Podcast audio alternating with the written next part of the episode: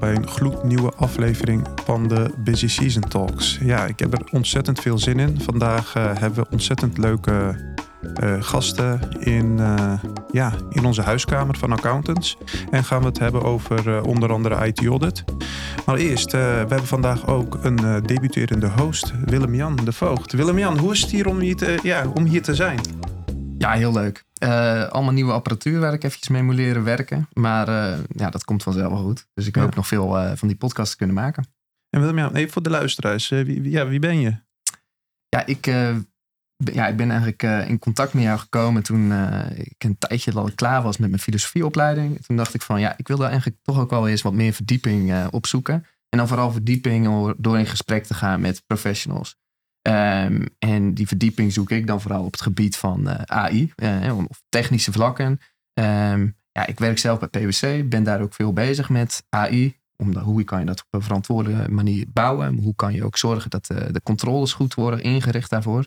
En ja, ik heb heel veel zin om daar ook gewoon met gasten, met belangrijke sprekers over in gesprek te gaan. Om te kijken wat er leeft ook in het veld. Ja, heel gaaf. Ja, namens alle hosts uh, en wellicht ook luisteraars, nogmaals welkom uh, als host bij de Busy ja. Season Talks. We gaan er, ja, we gaan heel mooie content maken met elkaar. Zeker. Ja, dan onze gasten. We hebben hier twee hele bijzondere gasten vandaag. Uh, allereerst Wilf, Wilfried Oldhoff. Hij is directeur bij de Norea. Afzwaaiend directeur. Hij is al 26 jaar directeur. En ja, hij heeft zoveel ervaring, zoveel meegemaakt. Dat, daar gaan we heel veel plezier aan beleven tijdens de podcast. Welkom Wilfried. Ja. Dankjewel. En daarnaast hebben we ja, uh, Manon uh, van Rietschoten. Zij is uh, senior manager bij KPMG. Ze houdt zich bezig met IT assurance en advisory. En daarnaast is ze ook bestuurslid bij, de, bij de Norea. En ja, Manon was ook kan ik me heel goed herinneren. Een van de allereerste gasten van de Busy Season Talks. Helemaal nog in de Clubhouse tijd. Ja, welkom Manon. Leuk dat je er weer bij bent. Dankjewel. Leuk. Ja. Nou, dan uh, laten we meteen uh, aan de bak gaan. Ja, Wilfried, de, uh, ik kreeg de tip van het bestuur van de Norea om echt een keer met jou in gesprek te treden. Omdat jij zoveel bakken en ervaring heeft. Alles van de IT-audit sinds de jaren negentig tot op heden hebt meegemaakt. Ja, hoe kijk je daarop terug? Hoe, met wat voor gevoel zit je hier eigenlijk vandaag? Ja, opmerkelijk, want het is een beetje op de drempel van mijn pensioen. Hè? Dus ik, eh, ik heb mijn afscheidsreceptie al, al gevierd. Uh, en, en mijn opvolger is benoemd per 1 januari uh, jongsleden. Ja, ik kwam natuurlijk binnen in een tijd. Hè, toen had Norea eigenlijk net het eerste lustrum gevierd in, in 1997. Toen, een week later, kreeg ik mijn sollicitatiegesprek daar. En dat was een heel bijzondere tijd, want het was een beetje op het hoogtepunt van de, van de, van de eerste internetbubbel. die daarna ook snel leegliep door eh, mhm. de World Online uh, affaire. Uh, maar het, het beroep was, was toen enorm in ontwikkeling. en en, en we zaten toen, toen ik binnenkwam, op een totaal aantal van 660 RE's die er, die er inmiddels opgeleid en afgestudeerd waren. En uh, als je dan kijkt van hoe heeft zich dat ontwikkeld sindsdien. Nou, we zitten nu op uh, bijna 1800 uh, RE's. Dus, dus in, in, in, die tijd is het, is het drie keer verdubbeld, kunnen we zeggen. Als je dan kijkt van waar zaten die, die IT-auditors uit de beginperiode en waar zitten ze nu. wat, op, wat opvallend is, is dat uh, altijd het grootste gedeelte van ons ledenbestand in het interne beroep heeft gezeten. Okay. Dat was toen zo'n uh, zo'n kleine 50 procent. En wat bedoel je met interne beroep? In, interne beroep, dus werkzaam bij de, uh, de grote interne auditdiensten. Van okay. met name de financials, -hmm. maar ook de beursgenoteerde ondernemingen en dergelijke. Versus het externe beroep, hè, dat zijn de, de IT-auditors die bij de de auditfirma's en de accountskantoren uh, werkzaam zijn. En inmiddels ook een aantal ZZP'ers die uh, vanuit mm -hmm. externe perspectief dat soort opdrachten doen. Maar dat, die groep is altijd kleiner geweest. Dat, dat externe beroep is altijd zo'n zo'n kwart van het, van het ledenbestand ja. geweest. nou, dan heb je nog een flink contingent zitten bij de overheid. Dat, dat was, toen ik begon was dat zo'n zo'n 14 procent. En dat is, dat is inmiddels gegroeid tot zo'n 16 procent. Uh, die zit dan met name tegenwoordig bij de Ordendienst Rijk. Ja. Uh, vroeger had je ook allerlei departementale uh, ordendiensten nog. Elk, elk, departement had in het begin zijn eigen, zijn eigen ordendienst.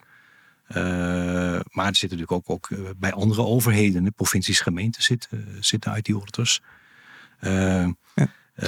nou, wat je, wat je ook ziet is dat, dat we begonnen met een, een, een ledengroep waarvan meer dan de helft eigenlijk de dubbele kwalificatie had. Die waren RE, maar die waren ook oorspronkelijk RA. Dus eh, in de jaren 90, toen het begon, op de helft ja, uh, een R. Ja, oké. Interessant. In de oprichtingsfase van de Norea was ongeveer de helft van, van de mensen was, uh, was, was niet alleen RE, maar was ook oorspronkelijk RA. Okay. Dus het zijn allemaal, in, in het begin waren het allemaal gespecialiseerde accountants, die dus, dus langzamerhand wat meer richting EDP auditing heet, heette dat toen nog waren. En gaandeweg is dat, is dat, is dat, is dat uh, dat aandeel is dat, is, is dat gewijzigd. Ik denk dat we op dit moment zitten we op zo'n 25% van de, van, de, van de RE's die ook nog RA is. Uh, ja. En zat dat dan ook in de, de werkzaamheden? Dat is ook 50% van de werkzaamheden ook nog RA gerelateerd Ja, kijk, kijk, het uit die uh, eh, IDP orting vroeger, is, is natuurlijk toch een beetje uh, uit de moederschoot van het accountsberoep uh, ontstaan. Want want dat, de, de, eerste, de IT-orders van het eerste uur, dat waren toch, toch accountants die, uh, die zich wat meer richting die specialisatie gingen, gingen bekwamen.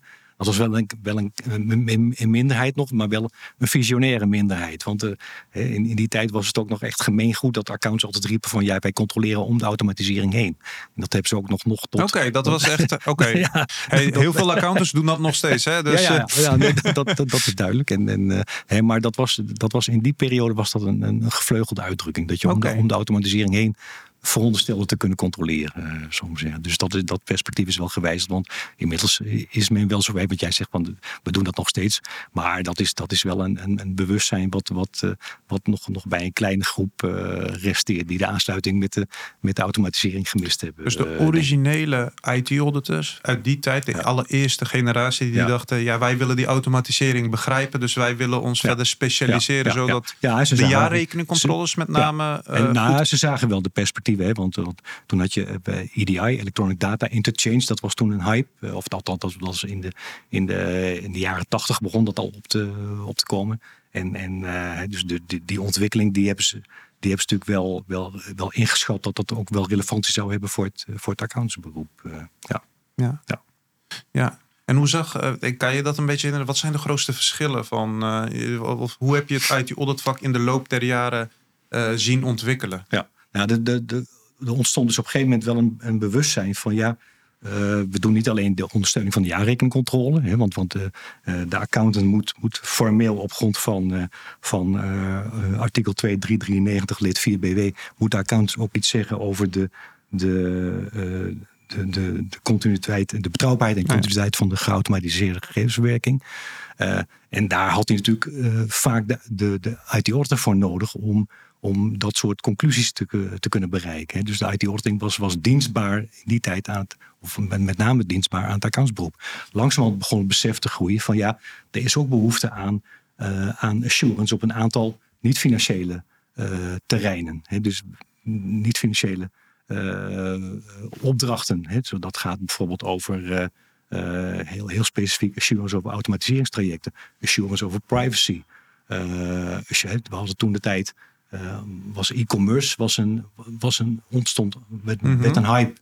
Hè, en, en men wilde dus, dus ook daar zekerheid over, over kunnen geven. Dat, dat die toepassingen van die, uh, van die e-commerce, dat die adequaat beveiligd. En, en uh, dus daar moest ook hè, ons eerste Norea-product in dat verband was, was zekere business. En dan zekere met hoofdletters RE geschreven achteraan. Mm en want dat, dat was een, dus een, dan kon je dus een assurance rapport laten opmaken over je e-commerce uh, toepassingen. En daarna is, ook, is, is er zekere privacy gekomen, is er zekere zorg gekomen. dat zijn allemaal producten die ontwikkeld zijn om, om uh, assurance over niet-financiële trajecten te kunnen, uh, te kunnen geven. Dus dat waren die eerste, tweede, derde generatie RE's die richten zich primair op die, in eerste instantie op de jaarrekeningcontrole.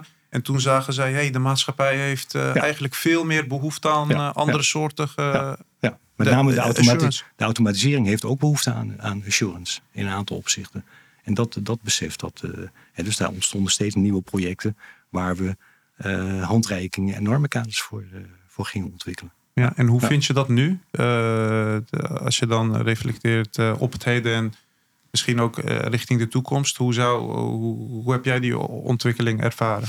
Nou ja, dat, dat er ook in de diepte steeds meer expertise ontstond. Hè, door de grotere instroom van, van met name mensen die bestuurlijke informatiekunde of informatica hadden gestudeerd.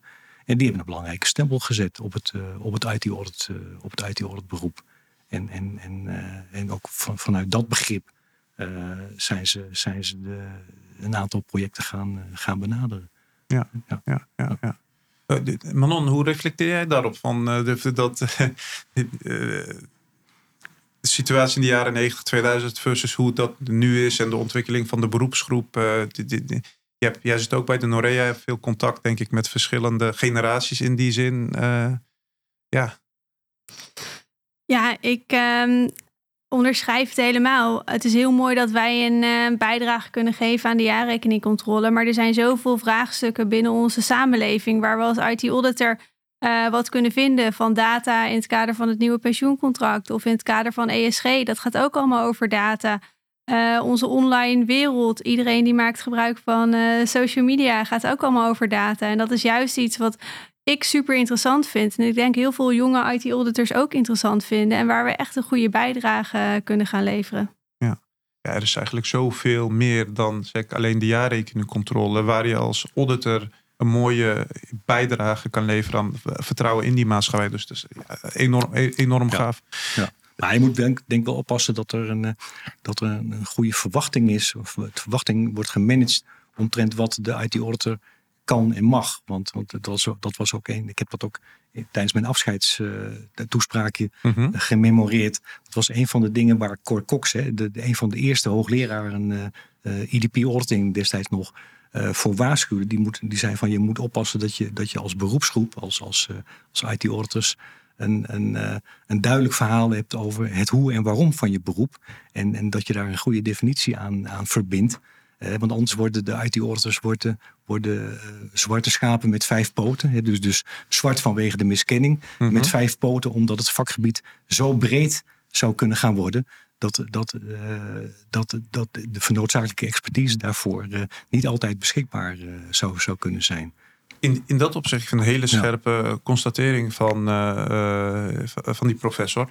Ja. Want eh, als je ook kijkt naar de, de RA-beroep, die is ook gaan uitdijen met ESG, met allerlei andere vormen van assurance. En hetzelfde zie je nu eigenlijk ook bij het beroep uh, IT-auditor. Het is niet ja. alleen uh, de ITGC's, de lopende automatisering, maar er is zoveel meer automatisering en digitalisering, mm -hmm. waar wij wat van kunnen vinden. Maar dat doet ook iets met het beroeps- en ontwikkeling competentieprofiel van die IT-auditor. Ja. Hoe, zie, hoe, kijk jij daarnaar? Want ja. als ik op mijn afdeling kijk, zie ik een soort van generalisten die kunnen over ieder onderwerp wel een beetje praten. Maar je hebt ook echt die diep SAP-specialisten, Oracle-specialisten, AI-specialisten nodig om um, die assurance te kunnen leveren, om het echt te kunnen begrijpen, om daar goede gesprekken met je klanten over te voeren. Ja. Hoe, hoe er, hebben jullie daar wel eens discussies over of gesprekken over hoe, hoe die um, ontwikkeling, competentieprofiel van die IT-auditor eruit zou moeten komen te zien?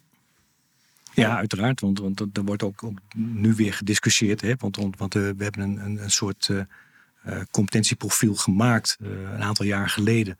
En daarover ook overlegd met de opleidingen van hoe ziet dat eruit in termen van eindtermen die daarvoor, die daarvoor gevolgd moeten worden om in, in die competenties te voorzien. En dat, dat is in ontwikkeling en dat is natuurlijk ook steeds weer afhankelijk van, van innovatieve technologieën die, daar, die daarbij een rol, rol spelen. Dus we hebben ook, ook gezegd, na aanleiding van de laatste visitatieronde, van nou, dit is wel een goed moment om, om eens te kijken of het, of het competentieprofiel wat we nu hanteren en de eindtermen die de opleidingen nu hanteren, of dat -hmm. aan herziening uh, toe is. Okay. Nou, dat, dat, dat valt een beetje samen met de hele discussie die, we, die, die we nu ook zien rondom uh, de aanbevelingen van de, van de kwartiermakers en de expertgroep. En ik denk dat, we, dat uh, Norea zich ook in, die, in dat debat zal gaan mengen. En, en, okay. dat, en dat ook in ieder geval voor zichzelf zal interpreteren als een noodzaak om het om, om een herrijking van het competentieprofiel te gaan overwegen. Ja. ja. ik heb de RE-opleiding zelf ook gedaan. Ik heb de RA ook gedaan. Ja, ja. Ik vind de RE-opleiding ook vrij, zeg maar, soort best generalistisch. Want je krijgt van alles uh, wat. Dus die echte deep skills, uh, die worden daarin uh, niet aangeboden. Ik denk mm -hmm. dat, dat dat ook vrij lastig is om te organiseren. Want ieder professional wil wellicht een andere kant op. En Ja, hoe reflecteer jij op? Ik heb begrepen dat jij ook de rapporten van de kwartiermakers van de expertgroep hebt gelezen over de competentieprofiel en de opleid, toekomstige opleidingsvorm van Mhm. eh, de, de accountant. En daarin speelt de specialisatie IT ook een rol. Ik ben Ja. echt eh, he- heel erg nieuwsgierig naar jouw mening daarover. Nou, ik- heb een mening. Het, het, het NOREA-bestuur heeft daar inmiddels ook een opvatting over ontwikkeld. Hè, Mhm. Want er is ook een officiële reactie gestuurd naar, eh, eh, naar de kwartiermakers en naar de MBA. Om, om eh, te laten weten hoe wij er tegenaan kijken. Ik denk dat een aantal eh, suggesties en aanbevelingen zijn, denk ik, zinvol. Hè, daar moeten we naar gaan kijken. En dat geldt ook voor, eh, voor bijvoorbeeld het idee dat er een federa- federatief werkverband moet gaan ontstaan van een aantal beroepsorganisaties. Expliciet wordt daarbij genoemd eh, MBA, NOREA, IIA en eh, de VSC. Nou, ik denk dat dat een, een, een, een, een kans is. Mits, eh, of mits en maar, hè, dan moeten er een aantal mits en maren bij plaatsen. En dat we wel voor onszelf ook de, de, de randvoorwaarden moeten gaan formuleren. Waarbinnen dat zou, eh, zou kunnen gaan plaatsvinden. Eh, aan de andere kant is het denk ik een misvatting om te veronderstellen, want dat is nu een van de, van de, de, de, de voorstellen dat die specialisaties tot stand gebracht gaan worden als een soort kopstudievariant bovenop de accountancyopleiding. Dan kan je ook nog, nog eh, een specialisatie eh, IT-auditing eh, gaan Mhm. doen. Mhm. En dat is volgens mij een misvatting om te veronderstellen dat dat de juiste manier is om, om RE's te gaan scholen. Dat dat helemaal in het profiel, hè, of als, als, als een soort eh, laatste fase van de accountancyopleiding zou moeten gaan, eh, moeten gaan plaatsvinden. Want ik denk dat de, de RE's zoals die op dit moment opgeleid worden, dat die op een veel breder scala eh, kunnen worden ingezet dan eh, mensen die, die uitsluitend nog een, een, een soort eh, IT-auditing specialisatie eh, aan het eind van hun accountancyopleiding gaan, Ja. eh, gaan doen. Dus En dan doe jij denk ik met name ook op de mensen die echt een technische achtergrond hebben, Ja. toch?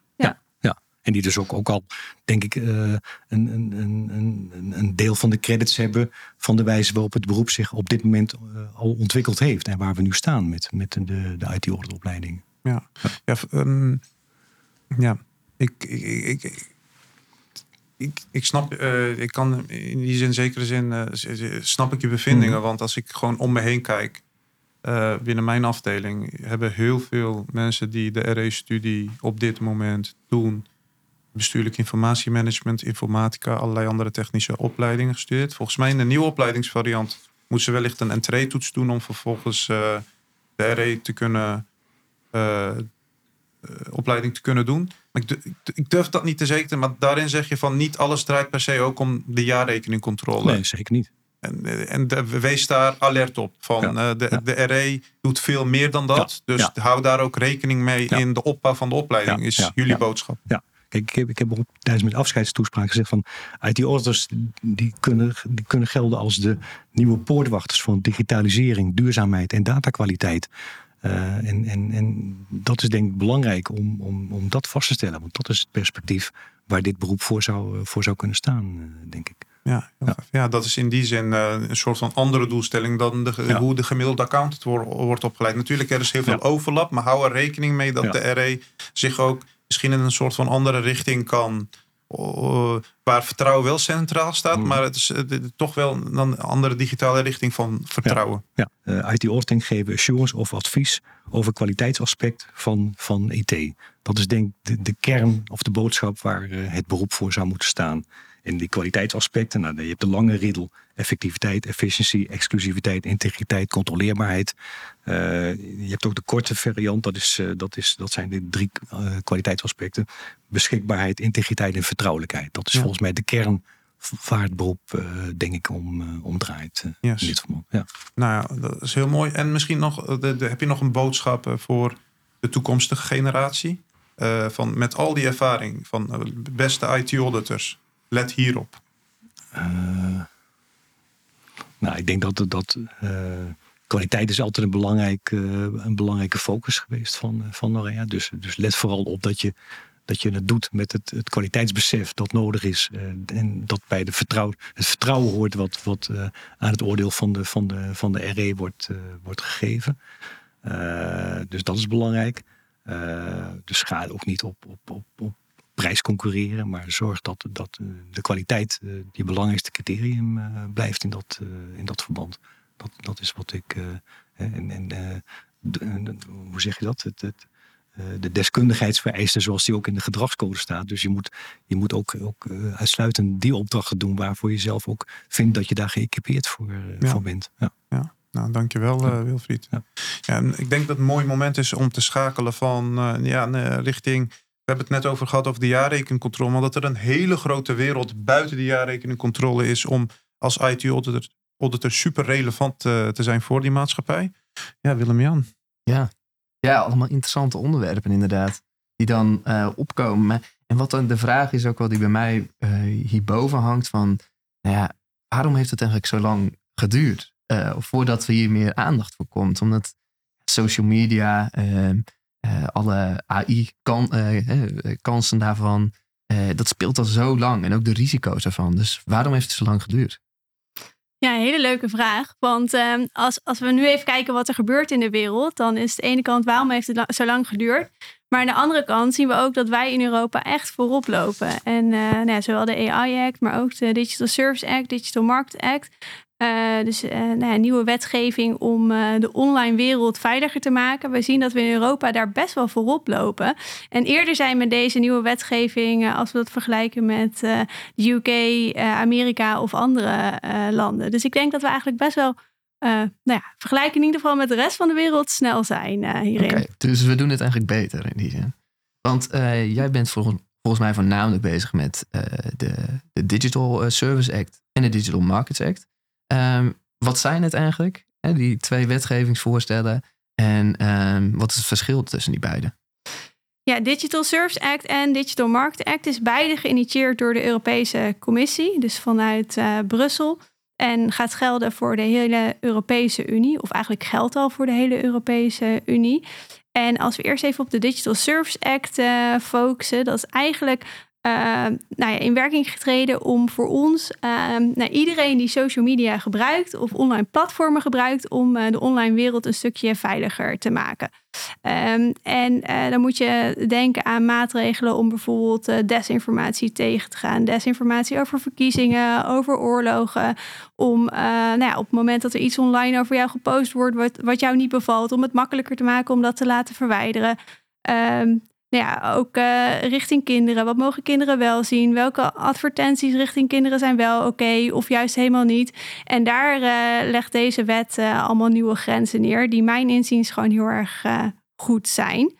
Um, en wat interessant is, is dat de Europese Commissie daarbij ook gezegd heeft dat alle online platformen die very large zijn, dus heel erg groot zijn, met meer dan 45 miljoen gebruikers in de Europese Unie per maand, dat die ook een audit moeten um, nou ja, laten uitvoeren door een accountant of een auditor in de brede zin. Dus dat kan zowel een RA of een RE zien zijn. En uh, nou, dit is natuurlijk heel erg interessant uh, voor RA's en voor uh, eh, IT-auditors, omdat het echt gaat over ja, de digitale wereld. Bizar, dus dat gaat over alle apps zoals YouTube, social media, Facebook, Instagram al die platforms die wij gebruiken, zeg maar, op dagelijkse basis.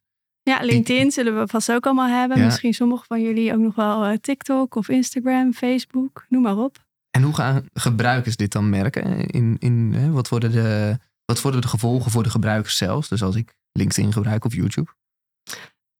Als het goed is, uh, ga je op, op een gegeven moment minder content zien wat ongewenst is. En ongewenst is dan bijvoorbeeld inderdaad informatie wat niet klopt. Hè? Uh, als het goed is, um, komt er minder informatie, bijvoorbeeld over oorlogen, over verkiezingen, wat gewoon feitelijk onjuist is. Dus wat ons gaat helpen bij onze uh, besluitvorming. En op het moment dat wij iets zien wat wij niet oké vinden, wordt hier ook beter actie op ondernomen. Uh, ik denk wat we nu op dit moment met name zien, is dat het mogelijk wordt om ook nou ja, gepersonaliseerde mogelijkheden uh, uit te zetten op die online platformen. Dus dat zij niet meer specifiek op jou gaan targeten, maar dat je algemene informatie te zien krijgt. Ja. En een van die pilaren is dus ook het beschermen van kinderen. Volgens mij heb je daar een keer ook een artikel over geschreven. Um, hoe gaan ze dat doen? Hoe worden kinderen beschermd eigenlijk door, door die act? Nou ja, uh, het is niet meer mogelijk om specifiek op kinderen uh, te targeten met uh, advertenties. Uh, wat denk ik heel goed is, want kinderen zijn heel erg gevoelig voor, uh, uh, voor dat soort zaken. Vraag is wel, wat zijn kinderen? Hè? Want dat verschilt weer per Europees land. Dus dat is ook wel heel erg interessant. Want door nou ja, nu bezig te zijn met die DSA en DMA heb ik ook steeds meer juridische kennis. Dus dat is wel grappig dat het ook wel echt een hele juridische wereld is die erachter zit. Um, maar dus inderdaad, um, nou ja, advertenties zijn een belangrijk punt. Maar ook wat mogen kinderen wel en niet zien. Um, ja, het is van alles eigenlijk. Oké. Okay. Misschien, uh, je had het net over gepersonaliseerde advertenties. Nou ja, um, kijk, je kan dat uitzetten. Dus als je dat niet meer wil, kan je dat uitzetten. De vraag is een beetje, uh, waar ik met name op doe, is als jij uh, nou ja, tien minuten lang kijkt naar content over stofzuigers, let, let's say op Instagram of TikTok, dat je dan vervolgens een week lang alleen maar stofzuigers terugziet. maar dat gepersonaliseerde karakter daarachter, dat kan je uitzetten. Ja. Oh, de optie om het uit te zetten. Ja. ja. Oké. En hoe verandert het dan? Want ik kan me voorstellen, ja, dat merk ik zelf al op mijn feed, hè, of, of, bijvoorbeeld op LinkedIn. Het is ook wel weer handig als het gepersonaliseerd is. Want dan zie ik bijvoorbeeld alleen maar content over AI uh, of over soortgelijke thema's. Ik vind het soms ook wel gewoon fijn. Ja, dus als je het aan wil hebben, is het ook helemaal oké om het aan te laten. Uh, en ik denk dat er andere uh, opties ook in de DSA, DMA zijn die zeker relevant voor jou zijn. En dan met name een stukje nou, tegengaan van desinformatie. Dat hetgene wat je ziet, dat het dan ook wel echt juist is. En op het moment dat jij denkt, hé, hey, dit is toch echt niet juist, dat je dat dan makkelijk kan rapporteren. Zodat zo'n online platform daar ook wat aan kan doen. Ah, dat wordt ook wel een interessante, want uh, ik zie nu, dus nu hebben we natuurlijk die generatieve AI-boom. En dan zie ik heel wat filmpjes voorbij komen van nou ja, wat, eh, een Obama die iets inspreekt. Of de paus in een, eh, een witte bontjas. Eh. dat zijn dus dan ook de dingen die dan daarmee aangekaart kunnen worden. Ja, ja. heb je dat wel eens geprobeerd? Hoe makkelijk het is om dan aan te kaarten dat het niet oké is? Nee, dat niet. Ik zat wel te kijken naar hoeveel het aangekaart wordt. En toen zag ik dat nu, hè, sinds die, de komst van die wet, dat er ja, 200.000 per uur per platform wordt aangekaart van dit is onjuiste informatie. Dus het is blijkbaar wel iets wat echt heel veel gebeurt. En dan wat ik me daarbij afvroeg was, oké, dit is echt immens dus. Alle de dingen die dan geflekt worden. Maar ja, hoe hou je zicht op of het wel terecht is wat geflekt wordt? dus dan, dan kom je gelijk in dat ja, toch ook weer lastig vaarwater. Van wat is desinformatie en wat niet. Ja, ja, en de vraag is ook, hè, hoe gaan uh, online platformen hiermee om? Want wat jij zegt, als er zoveel gevlekt wordt op een dag, ja, dat kan je misschien niet allemaal uh, handmatig uh, controleren. En dan zien we dus daar, dat daar veel ook systemen achter zitten en veel algoritmes achter zitten. Ook weer om te checken of die feedback dan juist is. En nou ja, juist daar is voor een IT-auditor denk ik echt een hele mooie nieuwe wereld. Uh, en wat we daar ook merken is dat bij zo'n controle van zo'n Digital Service Act en Digital Market Act, dat we echt samen moeten werken met uh, uh, specialisten. Want precies hetzelfde wat Wilfried net benoemde. Ja, ik zit hier nu twee jaar in, maar dat betekent nog niet dat ik alles van AI-systemen weet. Dus ik werk heel veel samen met onze AI-specialisten, maar ook met juristen. Um, ja, die de wet dan weer helemaal uh, begrijpen. Dus ook hier, de IT-auditor kan een hele belangrijke rol uh, spelen, maar moet wel weten uh, ja, welke kennis we zelf in huis hebben en waar we ook specialisten nodig hebben. Ja, kun je wat voorbeelden geven hoe je werkt dan als je zo'n controle eruit ziet? Want wat, hoe controleer jij die processen? Gewoon, hoe ziet zo'n werkweek van een IT-auditor die dat doet eruit? Ja, ja, hele leuke vraag. Nou, er zijn heel veel elementen die echt ook um, heel, nou ja, uh, heel bekend zijn bij de RE-auditor en ook bij de RA-auditor. Bijvoorbeeld de Digital Service Act controleren we aan de hand van een um, ISAE 3000 opdracht. Nou, is bij jullie allemaal uh, bekend. Dus al, ja, is eigenlijk gewoon uh, um, net als reguliere opdrachten, waarbij we een, vaak een control-based audit uitvoeren. Dus eigenlijk ook aan de organisatie vragen hoe zij ja, zorgen dat ze voldoen aan die artikelen binnen de DSA die in scope zijn uh, uh, van de auditverplichting. Um, ja. De, dus er zijn best wel veel elementen die echt hetzelfde zijn als bij het reguliere werk van, van de auditor. Waar we echt starten met het vragen aan de klant van hey, wat zijn de controles die jullie hebben ingericht om, uh, om die DSA-artikelen te beheersen. Dus hoe zorgen jullie uh, dat jullie voldoen aan die artikelen om kinderen online te beschermen? En dan gaan we eerst het gesprek aan met de klant van oké, welke controles zijn dat dan? Hoe ziet jullie processen eruit? En dan vaak op een gegeven moment komen we bij de meer technische onderwerpen en de recommender systems die erachter zitten. Uh, hoe zit dat in elkaar en hoe draagt dat dan uit bij aan het behalen van jullie controles en doelstellingen? Ja, vet. Want je stapt eigenlijk gewoon een techbedrijf binnen. En dan moet je eigenlijk dus ook die techkennis dan naar binnen halen om uiteindelijk die controle op de juistheid ervan, hè, van hoe ze het hebben ingericht doen. Uh, hoe gaat dat dan in zijn werk? Want inderdaad, wat je zegt, die systemen bestaan gewoon uit de recommender systems. ja, wie, hoe, hoe zorg je dan dat je daarvan weet dat het op een juiste manier is ingericht? Wat, wat ga je dan doen? Ja, en dat is allemaal heel erg nieuw. Want en misschien nog heel even de context van de DSA. Um, het eerste jaar dat organisaties moeten rapporteren is augustus begonnen. Augustus 23 tot en met juni tot augustus 2024. Dus het eerste jaar is nu startende. Um, en we merken ook dat de eerste controles nu aan het opstarten zijn. Dus vanuit uh, mijn achtergrond helpen we een aantal organisaties om uh, nou ja, ready te zijn voor deze audit. En we starten nu de audits op. Maar het is best wel een puzzel om uit te zoeken hoe je hier nou op de beste manier uh, inzicht in kan krijgen. En wanneer heb je voldoende informatie om daar zekerheid over te geven. Dus dat is uh, op dit moment nog wel echt uh, work in progress om, om die puzzel helemaal goed te leggen. Ja, ja. Het lijkt me wel ook dat je heel mak vrij makkelijk in jouw vakgebied komt, Willem-Jan. Want op een gegeven moment heb je bepaalde controles die denk ik ethische afwegingen moeten maken. Of dat zou toch... Ja, ja. Zeg maar, wat is uh, dat is subjectief. Wat is uh, niet wenselijk? Heb, krijg je met dat soort situaties te maken dat je controle daarop moet beoordelen, bijvoorbeeld? Ja, er zit sowieso heel veel professional judgment uh, in. En wat wel heel erg interessant is aan die Digital Service Act, is dat het echt start met een systemic risk assessment. En dat is een hele andere risk assessment dan dat wij het kennen in onze reguliere mhm. audit. En deze systemic risk assessment is wel een aantal criteria aangegeven door de Europese Commissie. Maar daar gaat het om, oké, wat voor risico's um, heeft deze organisatie of deze, dit online platform voor de samenleving? Dus bijvoorbeeld, dan gaat het weer over die desinformatie, tegengaan van hate speech, uh, tegengaan van misinformatie in het kader van uh, verkiezingen. Dus echt een hele specifieke risk assessment die de organisatie zelf moet uitvoeren en die wij dan weer moeten beoordelen. Maar daar zit sowieso heel veel um, professional judgment uh, in. Ja. En de vraag is ook, kan je op jouw vakgebied, hè, kan je om die black box van AI heen? Of moeten we uiteindelijk echt het algoritme gaan zien? Uh, ja, dat, dat is nog een vraagstuk voor komende maanden. Ja. Nou, ik hoop dat Twitter niet je klant is. uh, het bestaat niet meer, hè? Oh ja, X. Ja. Maar hoe, hoe zou dat dan daar gaan? Ja, dan moet je zo'n bedrijf controleren die zegt, ja, maar wij vinden dat alles mag. Dan lopen zij risico juist, denk ik, niet kan er volgens mij niet in, aan de richtlijnen van die wetgeving te voldoen. Dus dan ben je non-compliant.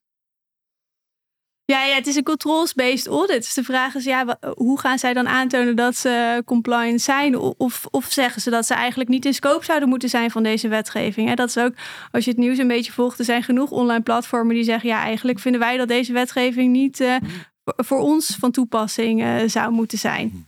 Uh, ik, ik heb gelukkig geen contact met X, dus ik kan ja. jouw vraag uh, niet beantwoorden. Ja, en wat is dan, als je niet compliant bent, wat, uh, wat zijn uh, voor die bedrijven de risico's? Waarom zouden ze misschien zeggen ze, ja, ik, ik wil er helemaal niet aan meedoen? Ja, ik denk dat eh, net als een reguliere audit, hè, er zit natuurlijk een enorm reputatierisico uh, aan vast. Want iedereen wil een uh, veilige online wereld. En er zitten ook boetes aan verbonden. Wel echt miljoenen boetes op het moment dat je niet voldoet, die de Europese Commissie zou kunnen gaan opleggen. Um, ja. Hm, ja. Wat mij als politicoloog, want dat ben ik ook nog, nog vooral is ook de, de, de, de wedloop die er eigenlijk ontstaat tussen de de technologische innovaties die er op dit moment plaatsvinden. Nou, alle mogelijkheden die daarmee komen. En uh, de, de wens om dat door middel van wetgeving te, te reguleren. Want dat is bijna niet meer bij te benen, uh, zou ik maar zeggen. Uh, Hans Verkruis heeft daar ook een, een, visionair afscheidscollege over gegeven, een paar jaar geleden, in 2018. over de nieuwe toekomst in singularity. en hij zegt van ja, je ziet een aantal ontwikkelingen mhm. in de technologie die, die, die in feite strijdig zijn met de wet. En die, of die niet meer gecorrigeerd kunnen worden door de wet. Hij noemde als een voorbeeld bijvoorbeeld het recht op vergetelheid in, in de AVG, het right to be forgotten. Hij zegt van ja, we zien al blockchain toepassingen waar dat niet meer kan. Hè? Want daar zitten, daar zitten gegevens op een onweerlegbare manier in vastgelegd. Uh, die, en dat zijn soms ook persoonsgegevens, die omdat ze onderdeel uitmaken van die blockchain, gewoon niet meer gewijzigd kunnen, kunnen worden. Had nog een paar meer voorbeelden. Uh, dat is natuurlijk een, een, fascinerend gegeven. Je ziet op dit moment een zodanige hoeveelheid wet en regelgeving rondom uh, technologie en rondom cybersecurity. Dat je moet afvragen van, van ja, is het überhaupt allemaal nog te handhaven wat er in hm. die wetgeving wordt, uh, wordt verondersteld? Ja, dat is een goede vraag. Is de, de opmars van uh, social media bedrijven, is die nog te stoppen? Is die innovatie nog te stoppen? Of de goede richting op te stuwen? Te stoppen denk ik niet, want volgens mij iedereen hier in deze ruimte die gebruikt social media en denk al onze luisteraars ook. Ik heb eigenlijk niemand ben ik tegengekomen die helemaal geen uh, platform gebruikt. De goede richting insturen zeker wel. En wat we juist ook zien nu bij Digital Services en Digital Market Act, is dat omdat er een auditverplichting aan zit voor die grote bedrijven, dat ze toch wel het gevoel hebben, hier moeten we wel echt wat mee. Um, en voor mij als auditor is dat ook wel heel erg interessant, want het is wel echt een ander publiek. Want als wij een uh, financial audit of een IT audit uh, uitvoeren, dan zitten we vaak aan tafel met een controller of iemand met financiële achtergrond die het wel gewend is ook om een auditor over de vloer te hebben. Maar bij die online platformen spreken we ook met developers en andere control owners die eigenlijk nog nooit een gesprek hebben gevoerd met een, uh, een auditor. En ook nog niet gewend is aan de manier van werken om ook uh, nou ja, die, die risico's voor de samenleving echt in, nou in hun hoofd te houden bij het ontwikkelen van die apps. Dus ik heb wel het idee dat er wat aan het veranderen is. Het zit ook echt in de cultuur van bedrijven die dan ook een, ja, misschien een verandering daarin mee gaat krijgen. Ja, ja hopelijk wel. Ja. Dat is echt mooi. Dat, dat, dat is eigenlijk de soort van wat, wat ik soms mis bij wat lastig is als IT-auditor als je een grote jaarrekeningcontrole zit. Ben je meer bezig met soort van de IT, soms de back-office. Ben je niet altijd bezig als je alleen sec focust op de IT. Je ziet met het primair proces. Want dat heb je hier wel. Dus je hebt buy-in van ja, iedereen die het primaire proces is de levensader van uh, een organisatie. Dus dat moet gewoon goed in elkaar zitten. Daardoor heb je meer contact met de mensen die er heel erg uh, toe doen op het gebied van strategie, uh, visie, missie en de business van die organisatie. Dat lijkt me wel dan best wel spannend om daar zo met in verschillende samenstellingen. Ja, wat ik ook interessant vind is zo'n DSA die zet echt weer de gebruiker centraal. Dus het gaat echt om de uitleg van eh, hoe, die personalisering naar de gebruiker toe. Van dat jij zelf weet van, ja, waarom krijg ik eigenlijk deze advertentie te zien? Of eh, waarom komt hij opeens in mijn feed? Uh, en dat vind ik wel goed, dat dat weer centraal komt te staan. In plaats van dat eh, die platforms vooral bezig zijn met inkomsten werven door advertenties uh, zoveel mogelijk naar je toe te sturen. Ja, ja, en het leuke is omdat het zoveel het nieuws is en omdat wij daar een bijdrage uh, aan kunnen leveren. Ook een stukje bewustwording. Hè? Waar zijn we nou naartoe aan het gaan als samenleving? En kunnen we dat een beetje de, een beetje de goede kant op sturen? Ja. En wanneer is deze wetgeving, wanneer is die succesvol? Wel, wat is daarvoor nodig? Ik denk dat het een wetgeving gaat zijn die continu nog wel in ontwikkeling gaat zijn. Ook omdat de technologie gewoon in ontwikkeling uh, blijft. Maar ik denk dat als uh, nou, gebruikers van deze platformen aangeven dat nou ja, dat ze minder content zien wat onwenselijk is, in welke vorm dan ook, dat het succesvol uh, is.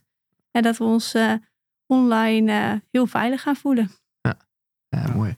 Ja, echt mega gaaf. Ja. Wilfried, als je kijkt naar dit, dit soort ontwikkelingen, is toch prachtig. Hoe, wat vind je daarvan? Hoe het is zeg maar in de jaren negentig soort van is begonnen en waar, waar, de IT-auditor zich nu mee bezig mag houden. Mm nou, het is op zich, eh, wat ik al zei, voor, voor het, het beroep is het natuurlijk geweldig. Want, want het, eh, het perspectief wordt heel breed. En, en, en, uh, en, en de IT-audits kunnen zich ontwikkelen tot, tot wat ik al zei, de, de poortwachters van datakwaliteit, duurzaamheid en, en, en dat soort ontwikkelingen ja, ik, ik, ik zie natuurlijk ook, ook de, de, dreigingen en de risico's die, die, die er uh, aan deze ontwikkelingen kleven. Maar wij maken natuurlijk allemaal dankbaar gebruik van, van alle technologische innovaties die, die ons ten dienste staan uh, in dit opzicht. Ja. En dat geldt ook voor de generatieve IT of generatieve AI-ontwikkeling in dat verband. Ja, ergens heel mooi toch als wij als beroepsgroep zouden kunnen bijdragen aan het mitigeren van risico's, zeg maar. In ieder geval uh, die, de excessen die uh, al die mooie technologie met zich meebrengt. Want uh, alles wat mooi is, kan je ook op een verkeerde manier misbruiken. En je ziet dat dat ook ontstaan. Als we daar een mooie rol in die maatschappij voor zouden kunnen betekenen, dan, dan slapen we wel lekker van. Of niet? Als, je, als een IT-auditor dat. Man, ja, Manon, hoe is dat voor jou? Ja, ik vind het heel erg leuk om ehm, bij te dragen aan iets nieuws, iets relevants en waar eigenlijk iedereen mee te maken heeft. Dus dat mhm. is heel leuk om dat als IT-auditor te merken. En ik vind het heel erg leuk om samen te werken. Want ik heb echt het idee, door samen te werken en door samen te werken ook met MBA nu bijvoorbeeld in het kader van ESG, hè, van waar moet een, uh, iemand aan doen als die uh, op ESG wil aftekenen, denk ik ook dat datakwaliteit uh, belangrijk is. En daar hebben we hele goede gesprekken over met het MBA. Maar ook samen te werken met specialisten op het gebied van AI, specialisten die de juridische tekst heel goed kennen. Dus ik, wat ik heel gaaf hier aan vind, is dat we echt merken als auditors ook, we moeten samenwerken om het beste team ergens uh, aan tafel te krijgen. Om echt die inhoud goed boven water te halen. En daar uh, krijg ik veel energie van. Mooi hoor. Ja, ik zag ook je, ja, mooie voorzet voor uh, eh, ESG. Dat is een, een, heel mooi onderwerp uh, aan zich. Dat gaan we zeker in de toekomst nog met elkaar doen. Want als je, als je kijkt naar ja, de, de CSRD voor komend jaar, de opschaling van die wetgeving het jaar erop en hoeveel data daar straks bij komt kijken. Het is nu allemaal, naar, ik, naar mij, wat ik observeer, nog niet heel goed lekker in systemen vastgelegd. Maar dat moet gaan gebeuren. En dan gaat de IT-auditor zeker ook een grote uh, rol in spelen. Ja, van nu uh, willen we langzaam uh, een einde aan deze mooie sessie bereiden. Dus ik wil jullie beiden nog vragen, hebben jullie een boodschap, Wilfried? Uh, nou ja, de, de boodschap voor de, voor de beroepsgroep is, is benut de kansen en de mogelijkheden. De, het perspectief wat, wat er is. En, en, uh, en, dat, en, en uh, ja, probeer je te ontwikkelen in de context waar je dat als, als, als auditors van verschillende plumage ook in gezamenlijkheid zou kunnen en moeten doen. Dankjewel. Manon? Ja, daar sluit ik me helemaal bij aan. En volgens mij is ons beroep zo mooi dat iedereen een specialisme kan vinden die uh, heel goed bij hem of haar past. Of het nou ESG is of uh, datakwaliteit of AI of de reguliere accountscontrole mm moeten we natuurlijk ook niet vergeten. Um, maar dat we daar best wel trots op kunnen zijn. Ja, Willem-Jan, hoe was het de eerste keer? Ja, heel interessant. Ja. ja. ja ik vond het leuk om uh, ook meer te horen juist over ja, die andere thema's, die technische thema's die een beetje aan het opkomen zijn. Juist ook wel omdat het iets is wat je direct al terugziet. Wat je direct ook terugziet in je eigen leven. Als jij gewoon je mobiel gebruikt of, uh, of, je, je laptop en uh, die, die apps gebruikt. Uh, ik denk echt dat dit thema's zijn zeg maar, die direct impact hebben. En dat vind ik wel gaaf om te zien. Ja, zeker. Heel gaaf. Ja, een hele mooie sessie weer. En uh, Wilfried, Manon, uh, bedankt uh, voor jullie deelname. Het is echt een topsessie geworden. Ik kijk eruit om in de toekomst meer van dit soort onderwerpen verder uit te diepen. Want hoe mooi is het dat ons beroep, de, de zich verder uittijdt. Zodat wij als auditors ja, toch die vertrouwen in die maatschappij, onze bestaansrecht uh, ja, kunnen blijven uitdragen. Voor nu, beste luisteraars, dank jullie wel voor het luisteren. Ja, tot de volgende keer uh, ja, bij een andere Busy Season Talks.